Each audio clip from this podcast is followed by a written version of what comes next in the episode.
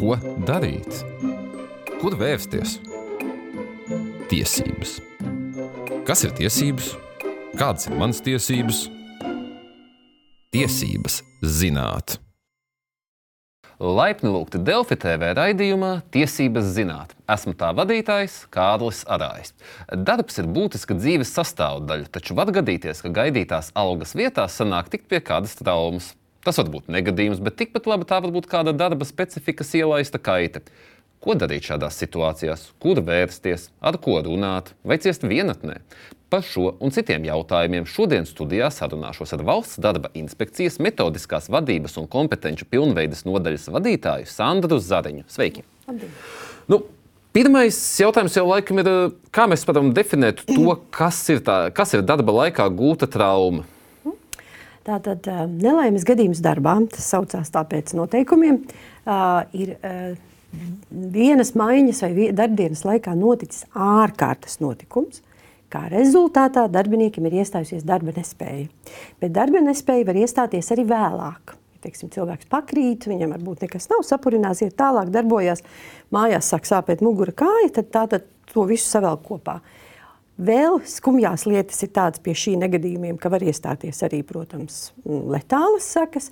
Var būt gadījumi, kad cilvēks var inficēties darba vietā, kas arī varbūt nav uzreiz konstatējams. Tā kā viss sliktais, kas notiek darbā, veicot darba pienākumus, ir principā darba inspekcijas uzraudzībā. Un, uh, droši par kaut kādām šādām situācijām ieteiktu, ja ir nav skaidrība, tad devējs ir tāds varbūt sevišķi nepretim nākušs, tad uh, piezvanīt uz mūsu konsultatīvo tālruni, ne, nesakot ne vārdu uzvārdu, neminot uzņēmumu, visu var noskaidrot, uh, lai būtu mierīgs sirds. Jā, tieši gribēju jautāt, kur vērsties un kā vērsties. Tas ir, nu, jūs sakat, uz anonīmo, uz to, to informācijas taudunu, bet, nu, piemēram, cilvēkiem ir skaidrs, ka kaut kādā veidā darbā satraumējos, kur zvanīt? Tad uz, tikai uz to taudunu vai var jau spērsties specifiski kaut kur inspekcijā? Nē, sāksim no tā, ka vispirms, ja, ja ir satraumējies cilvēks, viņš nezvana mums, bet saka savam darba devējam vai tiešajiem vadītājiem, man notika tas un tas, vai teiksim, ja viņš vispār nespēja runāt, tad tas ir tā darba devēja atbildība. Jo darba devējs pēc likuma atbild par darbinieka drošību, veselību darbā. Un tad, kad ir kaut kas slikts noticis, tad darba devējam ir, vai darba aizsardzības speciālistam, kam jābūt katrā uzņēmumā, tad viņam ir jāsāk rīkoties. Pirmām kārtām tas ir noteikti jāsniedz pirmā palīdzība, jāizsauc neatliekamā, neatliekamās palīdzības dienests, jānoskaidro, vai viņi drīkst kustināt vai kaut ko nedrīkst darīt. Tātad tas primāri ir tas. Pēc tam sākās noskaidrošana un nelaimes gadījuma izmeklēšana. Ir tāda nelaimes gadījums iedala, ir tādas mazas traumiņas, kas principā nenonāk līdz mūsu redzeslokam. Tās ir ar darba nespēju līdz trim diennaktīm, un tad ir tie pārējie, kas ir no trīs diennaktīm un tālāk. Pie tādām nopietnām traumām, teiksim, smagās, smagie nelaimes gadījumi, tur, protams, ir ārstēšanās vairāk mēnešu garumā līdz pat gadam, un citiem pat ilgāk. Tā, tur, protams, nu, cilvēks pats ir principā tajā brīdī pat nav komunicēt spējīgs, un darba devējiem ir jāsāk rīkoties. Bet, Ja darba devējs grib to visu kā, nu, viņam liekas, ka nu ir tagad šausmas. Sēdēšu tūlīt cietumā un labāk es klusēšu. Tā nevajadzētu domāt. Uh, ja uh, darba devējs ir varbūt tik negodīgs, tad es ieteiktu, uh, ja cietušais ir nu, tādā stāvoklī, ka viņš nav spējīgs komunicēt, tad lieciniekiem nu, kas bieži vien nenotiek, jo liecinieki turpat strādā un viņiem ir svarīgi saglabāt šo savu darbu. Un tad uh, piederīgajiem tuviniekiem, tomēr neklusēt, atkal neminot šo darba vietu vārdu uzvārdu, mums piezvana, izstāsta problēmu, ko darīt. Tad skatāmies, vai darba devējs tomēr šo savu pienākumu veids vai neveids. Mēs par šādiem nelaimes gadījumiem arī uzzinām, bet tikai mēnesi vēlāk, kad, kad neatliekamās medicīniskās palīdzības dienests visus tos gadījumus, kad viņi ar ātrā palīdzību devušies uz um, darba vietu, uh, tātad snieguši palīdzību, aizveduši uz ārstniecības iestādi, viņi pēc mēneša mums ziņo tādu un tādu no tādas darba vietas aizvedām. Mēs varam salīdzināt, attiecīgi, vai darba devējs ir kaut ko rīkojies, vai tas ir mēģināts noslēpt. Vēl ir viena slikta lieta, ko, diemžēl, arī ārsti saka, kas parādās ar vien biežāk, ka darbinieki, viņiem darba devējs saka, ai, nu, man tā negribās tagad ar šito visu tā oficiāli sarunāsim. Es tev samaksāšu, visu samaksāšu, visu par ārstēšanos, visu, lai tikai tu neko nesaki. mēdz viņu pat ielocīt savā mašīnā ar lūzumiem, ar dažādām smagām, ļoti smagām traumām, aizvest līdz slimnīcas durvīm un teikt, nu, tu tagad ej iekšā un saki, tas man notika mājās, nevis darba vietā. Uh, tad, laikam, no šī visa man pirmais jautājums ir, kurā brīdī mēs varam saprast, ka šī te, teiksim, darba vietā gūtā trauma ir darba devēja atbildība, un kurā varbūt nu, tomēr cilvēkam dabas dotais talants pak, paklupt uz līdzenas vietas tas ir bijis. Šī gadījumā nevienam no abām pusēm nevajag satraukties, kura atbildība. Svarīgākais, kāpēc vispār nelaimes gadījums izmeklē, lai saprastu, kāpēc viņš notika. Nevis meklēt, kurš vainīgs, kuram sitīsim pa pirkstiem, kuram ņemsim no prēmiju un tā tālāk. Nē, nē. Uh, ir svarīgi uh, izmeklēt. Protams, darba, nu, darbinieki mēdz arī būt, nu, tā teikt, mēs neteiksim vainīgi, jo vainīgos vienmēr nosaka tiesa. Atbildīgs, jā, tas ir atbildīgs par to, ka tā gadījās. Un bieži vien tas darba devējs spēlē tieši uz šo cietušā tajā, tā brīža, varbūt izmisumu, sāpēm, nedrošību, neziņu. Tu pats biji vainīgs, kāpēc man tagad neizmeklēsim un tā tālāk. Tā nevajag pakļauties šāda veida manipulācijām, vajag iet aizstāvēt savas tiesības, jo kāpēc aizstāvēt tikai tad, kad nelaimes gadījums ir oficiāli izmeklēts, viņš tiek pieregistrēts valsts darba inspekcijā, viņam tiek dots numurs, Un tad darbinieks var cerēt uz šīm sociālo palīdzību no valsts, ja viņš ir maksājis godīgi nodokļus, viņam ir bijis noslēgts darba līgums. Tātad viņam pienākās nu, šobrīd 2700 ārstniecības izdevumu kompensācijai, kuru viņš dabūs tikai tad, ne jau tā, ka viņam kāds noskaitīs, bet tikai tad, kad būs šis reģistrētais akts.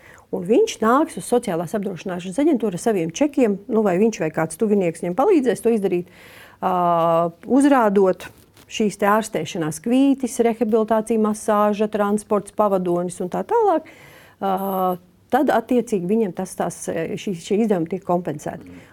Un nevajag baidīties, ka kāds saka, kurš ir vainīgs. Kurš te būs tagad vainīgs? Jā, darba devējiem atbildība likuma priekšā paliek. Savukārt darbiniekam šī atbildība ir to, ja darba devējs tev ir mācījis, teicis, tu strādāsi šādi, vai tu lietos ķiveri, vai tu lietos pretkrities sistēmu, un tu darbinieks to nav darījis, protams, viņš būs atbildīgs par to, nu, kā darba devējs izdarīja visu, bet tu nē. Tad viņš to kompensāciju nevar. saņems vienalga. Saņems vienalga. Uh, protams, tur ir daži apstākļi, kur uh, valsts sociālās apdrošināšanas aģentūras um, ārsti arī vērtē teiksim, šīs te, ja nu tur ir bijis alkohols, varbūt, vai tur kaut kādas citādas darbības bijušas, tad viņi vērtē, vai visu pilnu summu vajadzētu izmaksāt. Bet tā, šīs kompensācijas izmaksas vai neizmaksas vispār nepastāv jautājums. Ir noticis, reģistrēts, lūk, tev palīdzību no valsts. Jūs minējāt to, ka uh, darba inspekcija saņem no neatliekamās medicīnas dienesta. Kas notiek, kad jūs pamanāt šo nesakritību, ka, piemēram, uz, no uzņēmuma X ir atvests cilvēks smagā stāvoklī, vairāk lūzumu, bet nu, jums no uzņēmuma X ir nekāda informācija nav? Kas, kas tad tālāk notiek tādā brīdī? Nu, vienkārši mēs zvanām, jautājam, kāpēc, atrodam atbildīgos cilvēkus. Nu, ir dažādi komentāri, kāpēc mums tā gadījās, tur tāds, tas vai šis. Viņš mums neteica, arī mēdz būt tā, ka tas ir noticis piemēram piekdienas vakarā, sestdienas, svētdiena pa vidu. Viņš tur ir sācis ārstēties, darba, teiksim, darba nespējas lapā nav atzīmēts šis krustiņš, nelaimes gadījums darbā, bet vienkārši cits cēlonis. Nu, viņš neko nesaka, darba devējs var nezināt.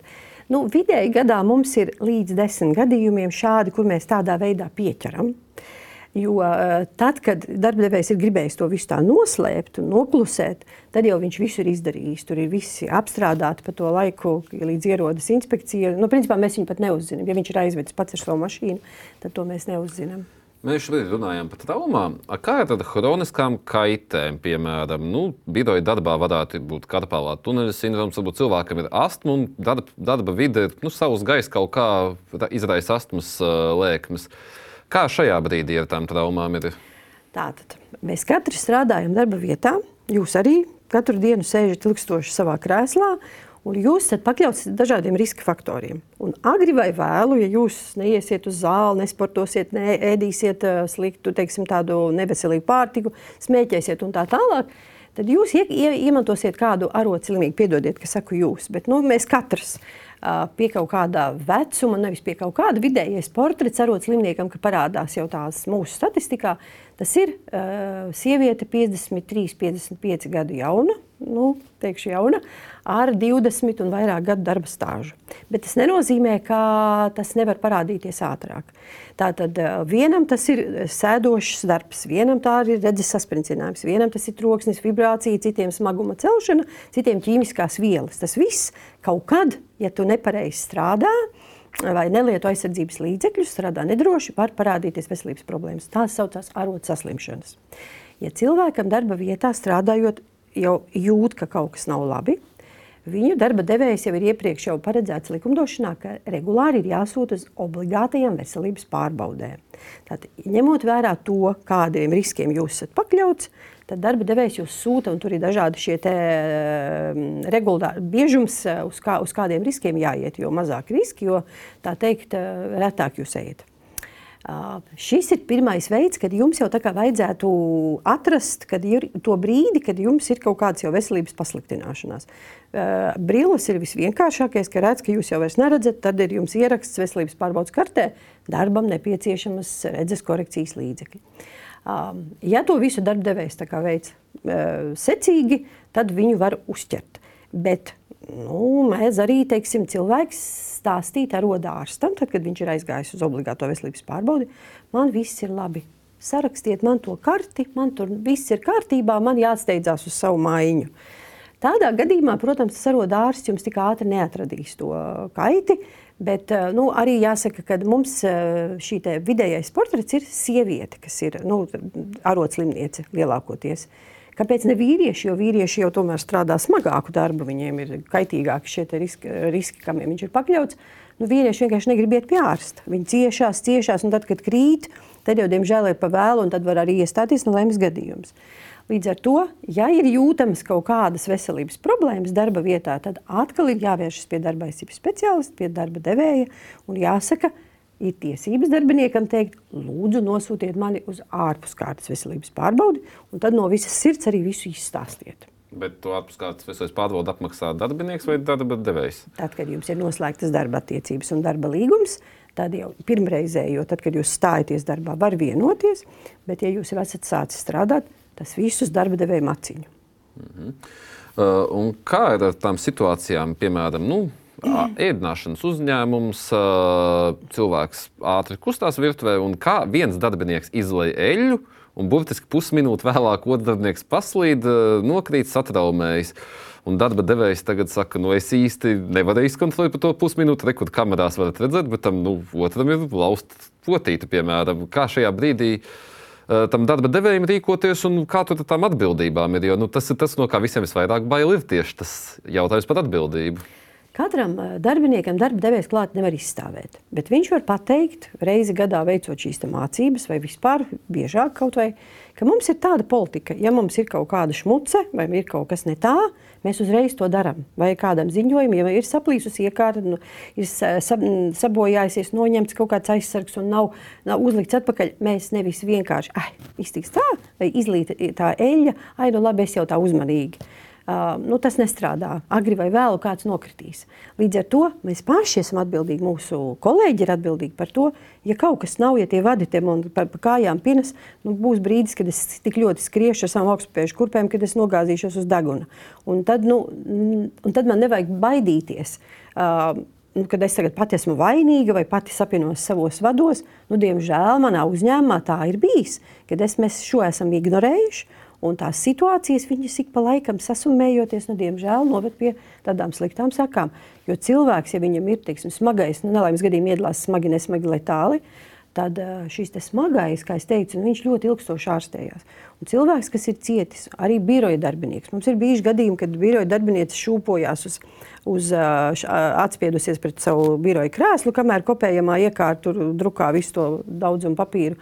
Un viņa tik smagi krīt, jauna sieviete, kur eh, galvas pamatnes lūzums. Tas nav tā, ka nu, ai, es pakritīšu, man nekas tur nebūs.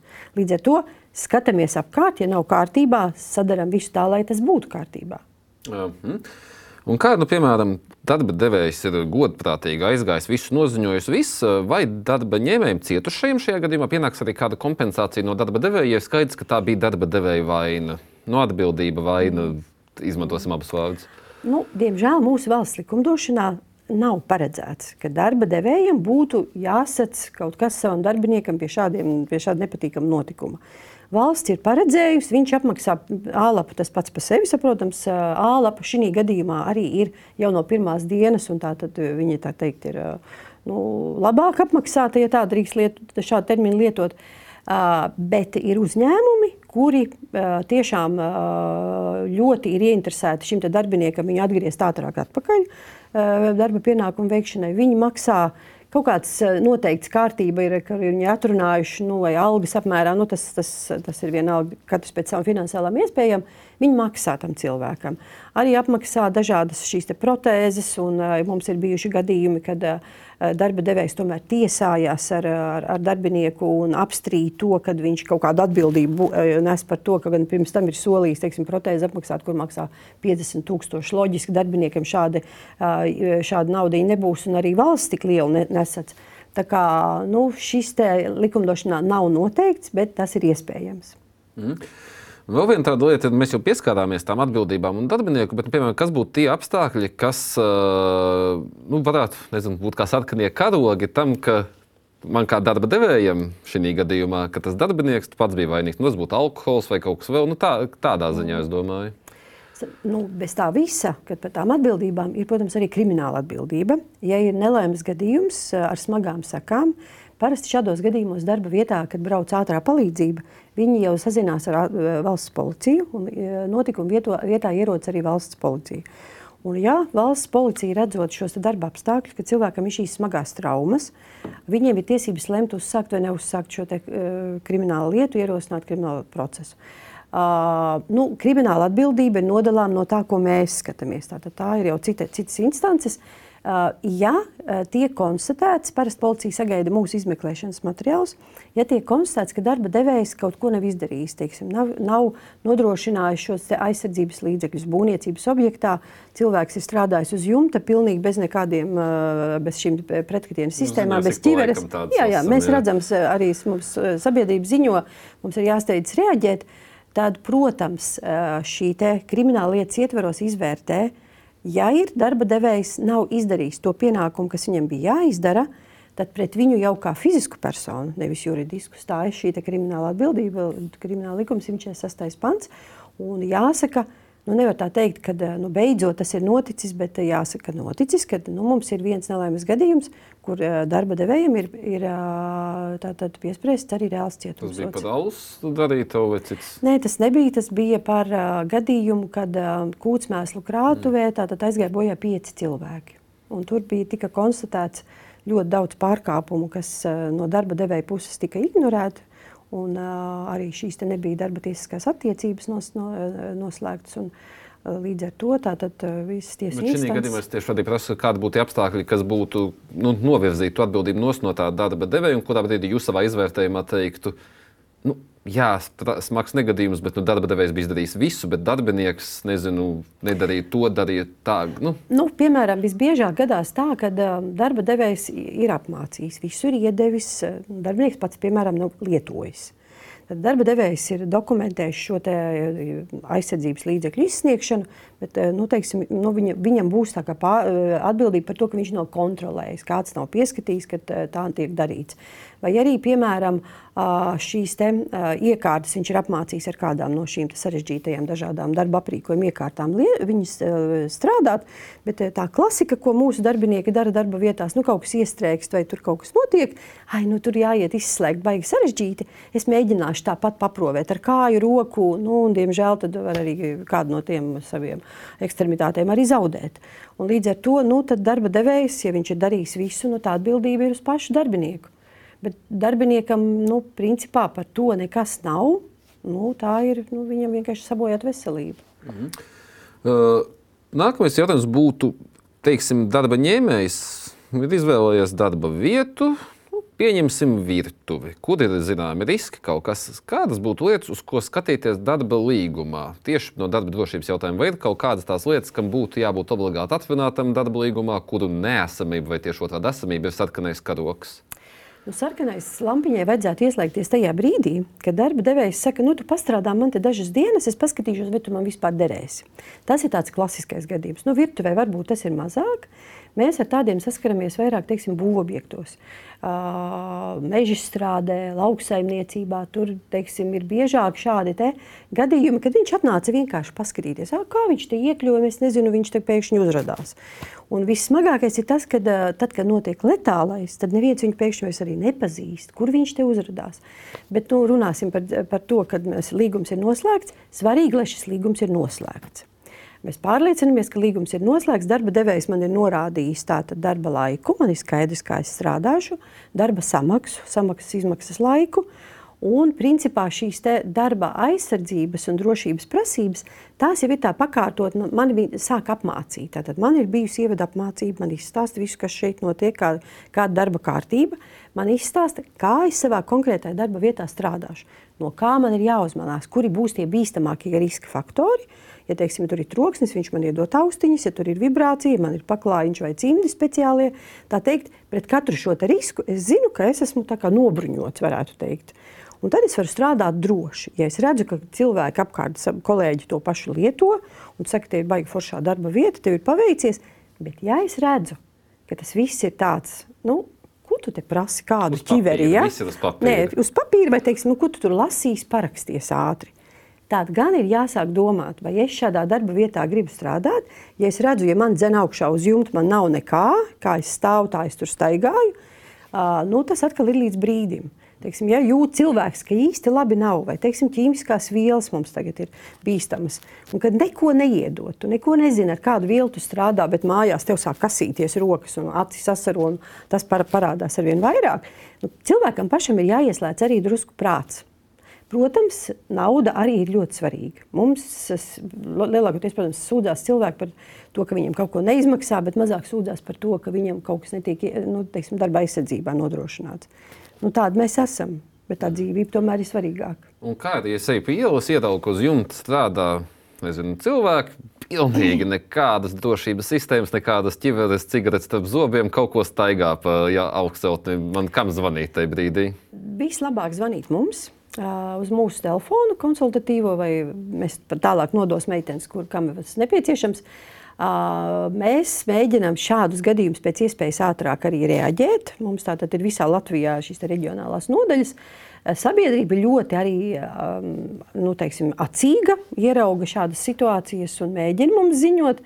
Mēs arī cenšamies reaģēt. Uh, Nu, ir, ir brīvdienas, kad, diemžēl, mēs nestrādājam brīvdienās, tad mēs sadarbojamies ar pašvaldības policiju. Tad tādos gadījumos var ziņot pašvaldības policijai. Tad viņiem arī ir pienākums šādās situācijās reaģēt. Tuvojamies jau noslēgumam, un uh, divi jautājumi. Viens ir, kas notiek, ja, gūst, ja cilvēks gūst traumu, pēc kuras vairs nevar uh, nu, iestāties darba nespēju un vairs nevar uh, strādāt tālāk. Tas, kas tad notiek? Uh, Nu, principā tad ir tiek aprēķināts šis darbspējas zaudējums, ir lemts par eh, šo invaliditātes grupas piešķiršanu. Tad mums ir, nu, tas īsti nav darba inspekcijas kompetence, bet nu, tā apmēram es to preambulu varu izstāstīt. Nu, tad, iestāja, tad ir šī invaliditāte, ir invaliditātes grupas, kuras ļauj strādāt, tātad ir jāpārkvalificējas. Mums ir arī iestādes, kas šo darbu pilda. Mm, sociālās integrācijas valsts aģentūra, kas ar to nodarbojās. Tātad cilvēks tiek mācīts pilnīgi, nu, tā teikt, viņa dzīve ir pagriezusies pa 180 grādiem. Viņu mēģina kaut kā integrēt darba tirgu, ja tas ir iespējams. Nu, ja nē, tad viņš paliek ratiņos, diemžēl. Uh, viņš vairs nav darba spējīgs, viņam tiek uh, nodrošināta no valsts šis invaliditātes pabalsts. Nu, tad ir jādzīvo, jādzīvo tā. Mm -hmm.